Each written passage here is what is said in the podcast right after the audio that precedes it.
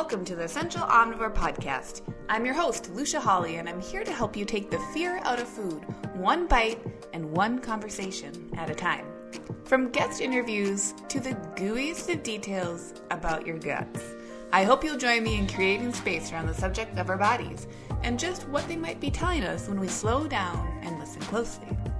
Remember that the information provided within this podcast is for general information and educational purposes only and does not provide medical advice, professional diagnosis, opinion, treatment, or services to you or any other individual.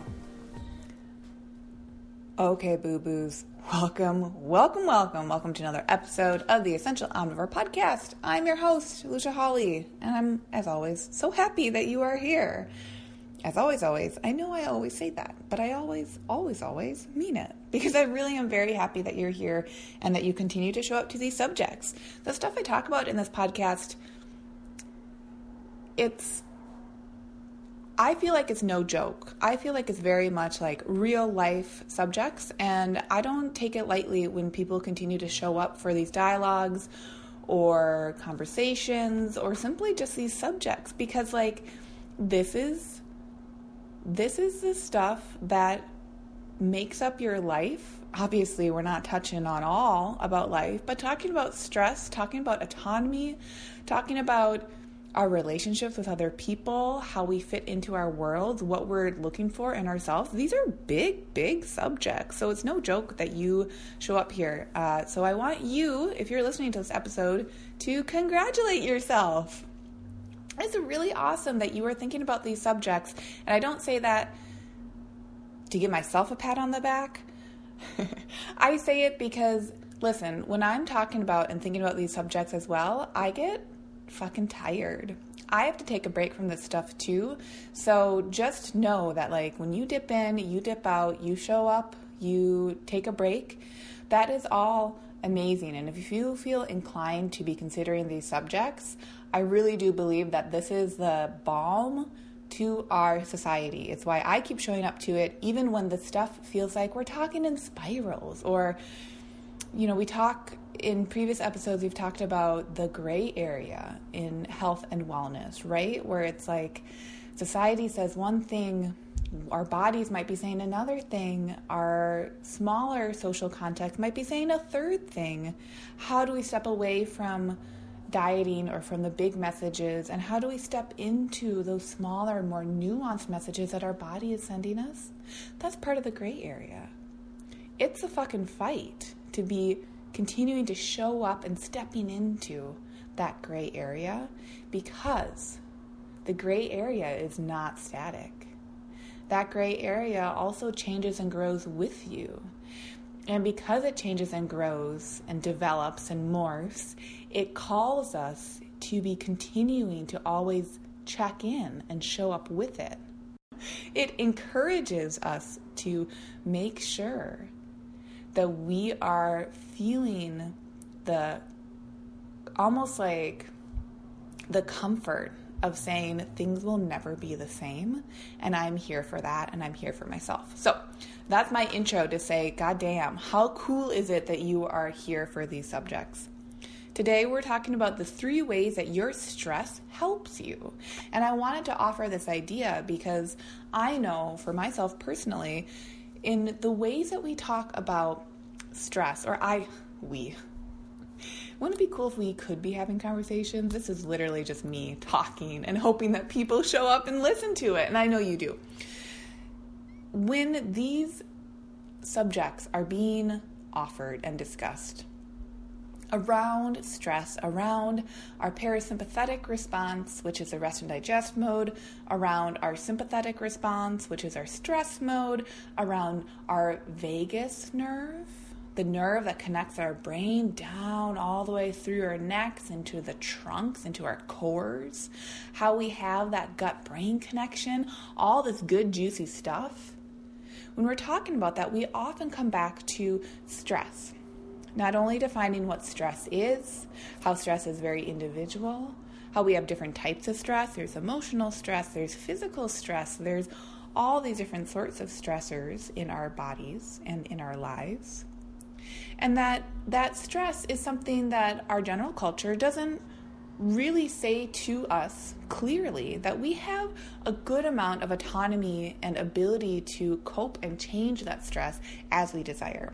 So, in the bigger scheme of things, I think because we are uncovering a lot about stress, stress can then be made out to be the bad guy. It can be made out to be a bad thing. And so, yes, in a lot of ways, there is a lot of unnecessary or unneeded stress or socialized stressors that we feel that we have to keep showing up to, or maybe, maybe we don't have to.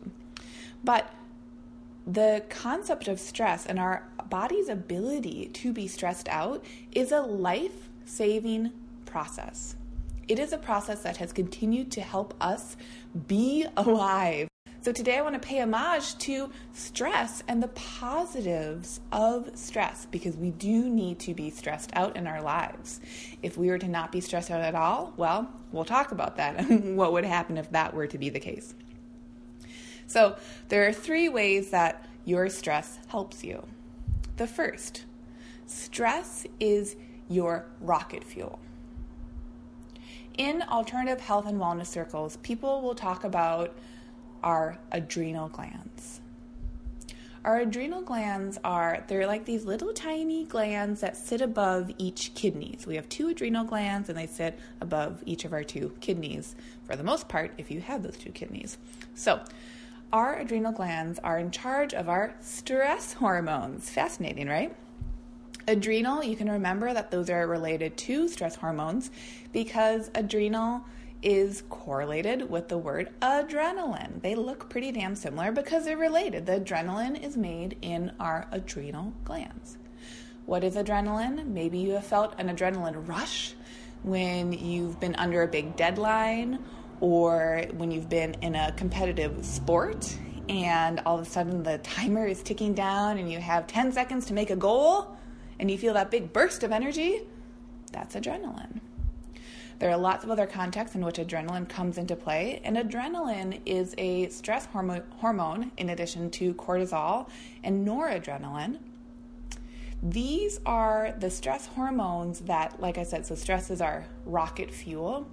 It's like our backup turbocharge so, being able to dip into a reserve of rocket fuel, of like a secondary source for the days where we are feeling just kind of like whacked out or we're feeling like we don't have anything else in the tank, being able to have that secondary reserve that can kick into gear if needed, depending on the stress or the stressor, is extremely adaptive. If we do not have this secondary secondary source or backup ability to have energy or get recharged or get re-energized or focus or to have our heartbeat heart rate increase or to get blood flow into our muscles which these are all functions that happen physiologically when adrenaline is coursing through our bodies. If we didn't have those resources it would severely impact our lives. If we were not able to recruit that function of having our adrenal glands kick into play in these high process ways because our adrenal glands are doing a lot more in our day-to-day lives but we're kind of looking we're stepping back and looking at more of a macro view of adrenaline and stress hormones. If we didn't have those stress hormones well think about it.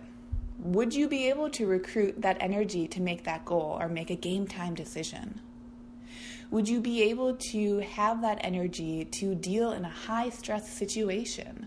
Think about our current modern culture. We have so many high stress situations that we navigate through or that we have the potential of navigating through simply with the additional risks that occur in modern life. That adrenaline kicks in when you're in a car accident. That adrenaline is part of your stress response when you have to go save someone's life or you realize that someone's choking and you rush over to them. Our stress hormones help us make those decisions, those split second decisions. So I want to make sure that the thing that can be fascinating about stress hormones is when that process becomes chronic. So chronically experiencing a flood of stress hormones coming from our adrenal glands, circulating through our bodies, is where stress becomes maladaptive. And it's where we can say, oh, uh, stress is, isn't a good thing. A lot of us are experiencing that chronic stress, and that's again where we get the where it gets a bad reputation because our lives can be so chronically stressful. Or we can have a stress response that is heightened or hyper. So we could be reacting to our daily commute in such a way where we're getting flooded with stress hormones. And this is a really key point that a stress response, yes, to some degree, we're all going to have fairly similar physiological reactions to certain stressors, like really acute ones. Again, this is a big point acute versus chronic. But the more chronic stress responses, those become more and more bio individual. Those will vary on your history, any traumas that you've experienced in almost any capacity to what that word trauma could uh, entail. It's going to depend on what your body has been cued in on before. So, our stress response is a healthy and adaptive function. We need it. We need it to continue on in our lives. And where it becomes maladaptive and starts to break down is when we begin to experience that stress chronically. And we begin to experience our stress response chronically. So often it may not be the stressors themselves, it could be our body's reactions to events that it finds stressful. And maybe this is something that you've experienced before in any level of experience, too. You could think about your favorite, let's say that you were like a math whiz in high school and you had a math test coming up that you felt pretty damn good about. You didn't really have to stress about studying for it, no big deal. And maybe your best friend had the hardest time in math class, and that same test that for you isn't really going to have you flood your body with stress hormones when it starts. Maybe that was one of the most stressful experiences for your best friend at the time. You get what I mean? The same exact scenarios that are just factual experiences can be objectively the same, but experienced subjectively completely differently. So I want you to be thinking about this week are there experiences that our society says are neutral or banal or just fine that you personally, without judgment, that you personally experience as high stress? What are some of those experiences? Think about writing those down and just offering them to yourselves simply for clarity to say, hey, it's not necessarily a bad thing that my body is being flooded with stress hormones right now. I simply now have more awareness that, that this is occurring, and here's the ticket. When you have more awareness, you are then able to offer to yourself more of an ability to say, hey, do I want to dig into this deeper? Because if we dig in deeper, that is our ability to dissolve that stress response.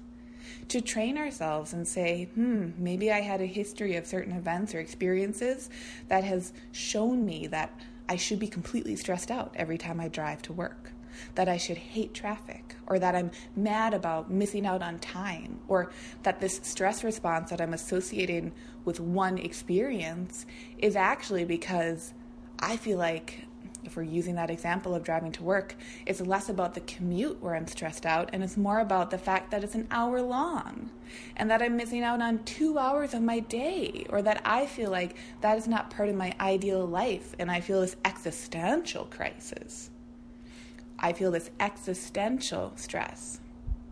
Or maybe it's simply because you hate driving and it's less about the existential stress and it's more about the stress of being like, I don't want to get in a car accident. I don't want to be merging. I don't want to be on the freeway. These are the types of stressors that I want you to be thinking about this week in saying, what does it look like for me in my life? What are my individual stressors? Because we're all going to have a different slew. We're all going to have a different chorus or a different harmony of stressors. And acknowledging that can help us make more sense of our worlds. And from there, then we can shift and pivot if we'd like to. So, stress is your rocket fuel. Number two, stress highlights areas of need.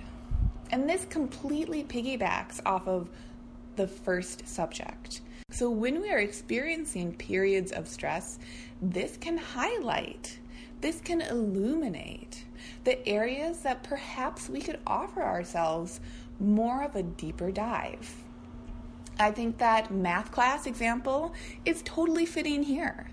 So, for your friend who was so stressed out by math class, or maybe that was you, whoever you might be, feeling that stress around that math class highlights for that person that this is an area where they probably need more support, and that's not a bad thing. When we offer ourselves the ability to say, I could look for more support, and this could dissolve stress if I desire to have less stress in this area, that thought alone builds autonomy. That thought alone builds our self worth. And when we offer ourselves the building blocks of self worth and the building blocks of saying, I am an autonomous individual and I have the ability to shape and construct my world. Well, here's the funny thing that melts away stress. It might not make certain stressors less stressful, but it can offer a new lens on the stress and say, hey, this is my calling card. I may never be a math whiz, and I may never want to be a math whiz. Or maybe I really, really do. But I wouldn't have gotten to these thought processes without the help of stress. That stress when we talk about the word stress too, it it can have different meanings in different contexts. So in how I'm referencing stress right now is I'm referencing the emotional experience. It's like the experiential process of feeling stress in your body is saying, okay, this stress is my calling card. It's like holding up its hand. It wants me to call on it. And maybe, God, maybe I don't want to call on it at all. Like maybe I don't want to hear what it's going to say because that's scary or that's more information. And my brain is overloaded because of current culture. I'm tired. I am lit tired. TM, registered, co company, nonprofit, for profit, whatever. However, stress is going to keep raising its hand until we call on it. So, if we can really recognize that calling on our stress is only going to offer us more options and will actually help us expand our options, that's a beautiful thing. So, similar to the first point, if you want to be journaling or writing down those areas where you feel stressed out, go ahead and do it. It's not going to hurt you. if you spend two minutes 120 seconds. You got those. I swear, you got those. If you spend those two minutes writing down the things that stress you out, and maybe they're things that our culture isn't saying should stress you out, and maybe you feel guilt and shame around what does stress you out, this is your time to offer an experience to yourself, which will, of course, build autonomy which will then build self worth. And the reason we talk about building autonomy and self worth is that those are the things that our culture does not reinforce right now. Our culture is generally one of guilt, shame, and blame for motivation and change. And we can flip the script and say, hey, you know what? I actually have the ability to decide what does or doesn't stress me out if I so choose. And if I don't choose, that's also so awesome. But now, with this knowledge, I have the informed consent to make these changes if I so desire. So, the third way that stress helps us is that stress can create a state of flow. I remember learning about the concept of flow. I think it was in like an undergrad psychology class. I majored in psychology, so I took a lot of psychology classes and I loved them. And I remember I was wasn't really thinking about stress back then. But I remember thinking, "Whoa. What a beautiful lens and way of looking at the world when you begin to think about the concept of flow. So, what is flow? Flow is a state of being in which our stress can be contributing to our ability to express or create. So, think about for the procrastinators out there, think about when you're under a big deadline and you say, ah, I work better under pressure. Or, like, I don't, for this project, like, I know I don't really need to piece it out. It's actually just gonna kind of come more naturally. Like, a few days before when it's due, or hmm, maybe the night before when it's due, whatever, whatever, you know, speaks to you. That, in and of itself, is to some degree showing a state of flow. It's showing that the time pressure of having less time before whatever the project is due, that that time pressure coupled with the creative nature of creation or the creative process, that combination can actually help facilitate a better outcome. And that state of flow can be occurring in work, it could be occurring in creative pursuits. There can be a combination where if we were to be not stressed out at any point in our lives, you know, with the dialogues around stress, it's like, well, I just want to be as, you know, the least amount of stressed out as possible. Life is pretty boring if you're not stressed out. And I don't mean if you're not like on a hamster wheel of stress. That's that's part of that maladaptive and toxic stress that a lot of us could step away from. We could offer that walking away from that stress to ourselves. But being able to engage in certain stressors that motivate or push us, we can have physiological reactions that are adaptive. But those can really only happen when we start to strip away types of chronic stressors. Because if we're trying to have stress be helpful, that stress is mainly going to be helpful in the acute or time bound arenas. So, that everyday stress of hating traffic or of hating your job or of major financial burden or of hating your diet or of just, you know, fill in the blank. We can be stressed out about anything those daily stressors that don't ever really leave us, the ones that are like nipping at our ankles all the time and they just kind of bug us and they wear us down. Experiencing those chronic stressors and then trying to experience acute stressors on top of it, that is that toxic combination that is so draining for us as humans. So, a lot of this dialogue is saying, well, in what ways can we address, recognize, shift, and pivot those chronic stressors? Where can we realize that we do, we have the ability to do that? And we have the right, we have the honor to do that for ourselves or for others, but probably mostly for ourselves. When we do that, that will start to help to show hey, which stressors do I, in some ways, enjoy or benefit from?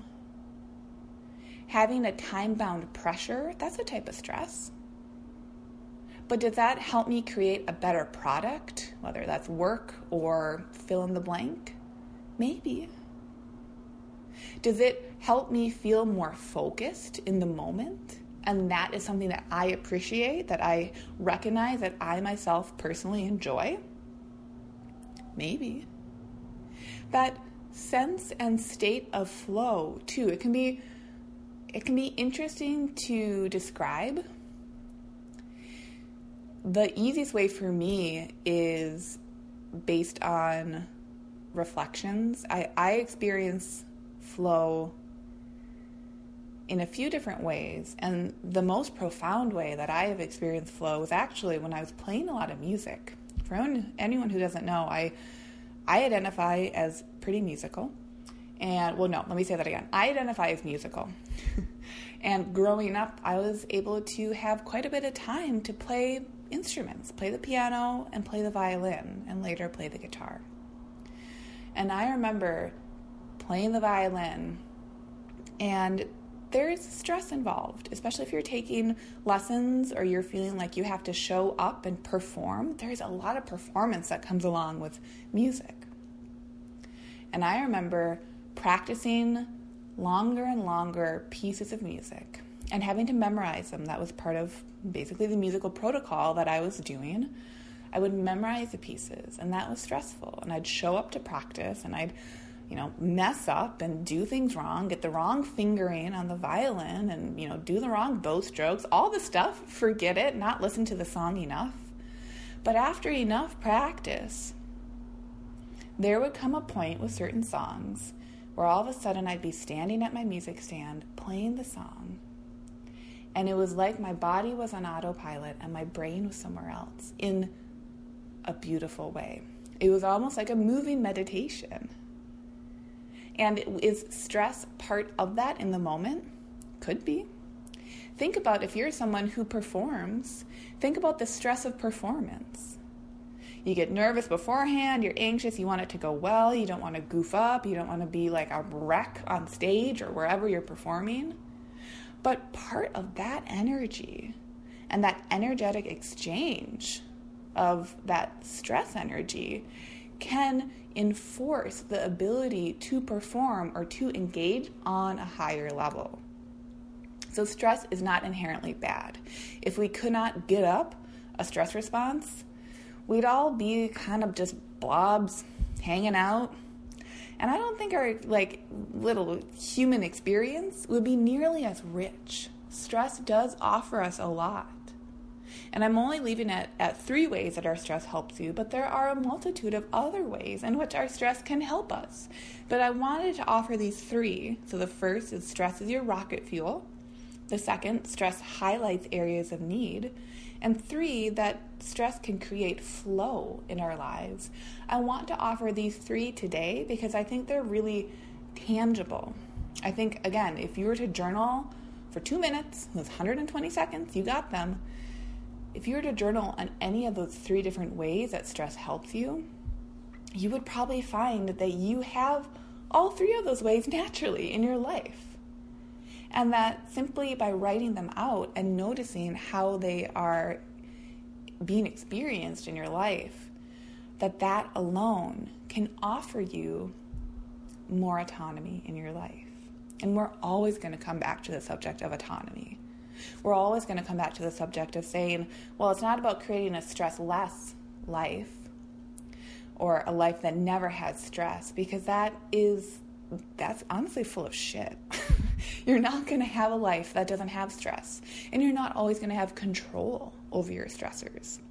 Many stressors, especially larger stressors, are coming from the outside. They're things that we never would hope would happen to anyone or we never would hope would happen to us or our loved ones, but they do occur. Traumas do come up.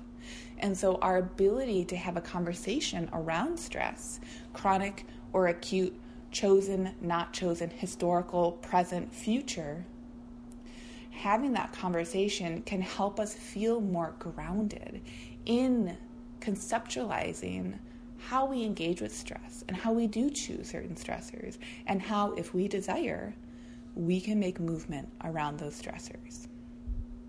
So, really, that's basically your homework for the week. If you want some homework, it's to do some journaling around those three different ways that stress helps you. What happens if we put a positive or a neutral spin on stress and we say, whoa, uh, whoa, whoa, whoa, stress is actually an okay part of my life. And it's simply recognizing and shuffling. It's like sorting papers. It's saying like, okay, I'm going to address the mail pile in the room. I'm not going to I'm going to look at my bank account and won't just keep shying away from it because I actually can speak that language. I think a lot of the times we don't offer ourselves explorations into these subjects. A, because maybe we haven't learned about them, but B, if we learn about them, we think we can't speak that language. We can't do that dance. We can't show up in the ways that is going to be a helpful way. But I'm going to say on this podcast, you can. Any of the stuff you can do. And one of the hardest parts is simply offering yourself the trust in yourself to say, I can do it. And when everyone is, you know, yelling at you or you get negative comments, you can say to yourself, I can do it anyway. I can keep doing it. So think about that this week. Chew on that this week, especially with the beginning of 2019. Like, we're here for it. Continue to offer these subjects to yourself, and I think you will be amazed. You will be amazed at what you can do. I'm going to be clapping for you the whole way. So tune in next week. and I'll catch you another episode. Hey, thanks so much for joining along on today's episode. For full archives of past episodes, hop on over to essentialomnivore.com or subscribe to the Essential Omnivore podcast on Apple Podcasts or Stitcher.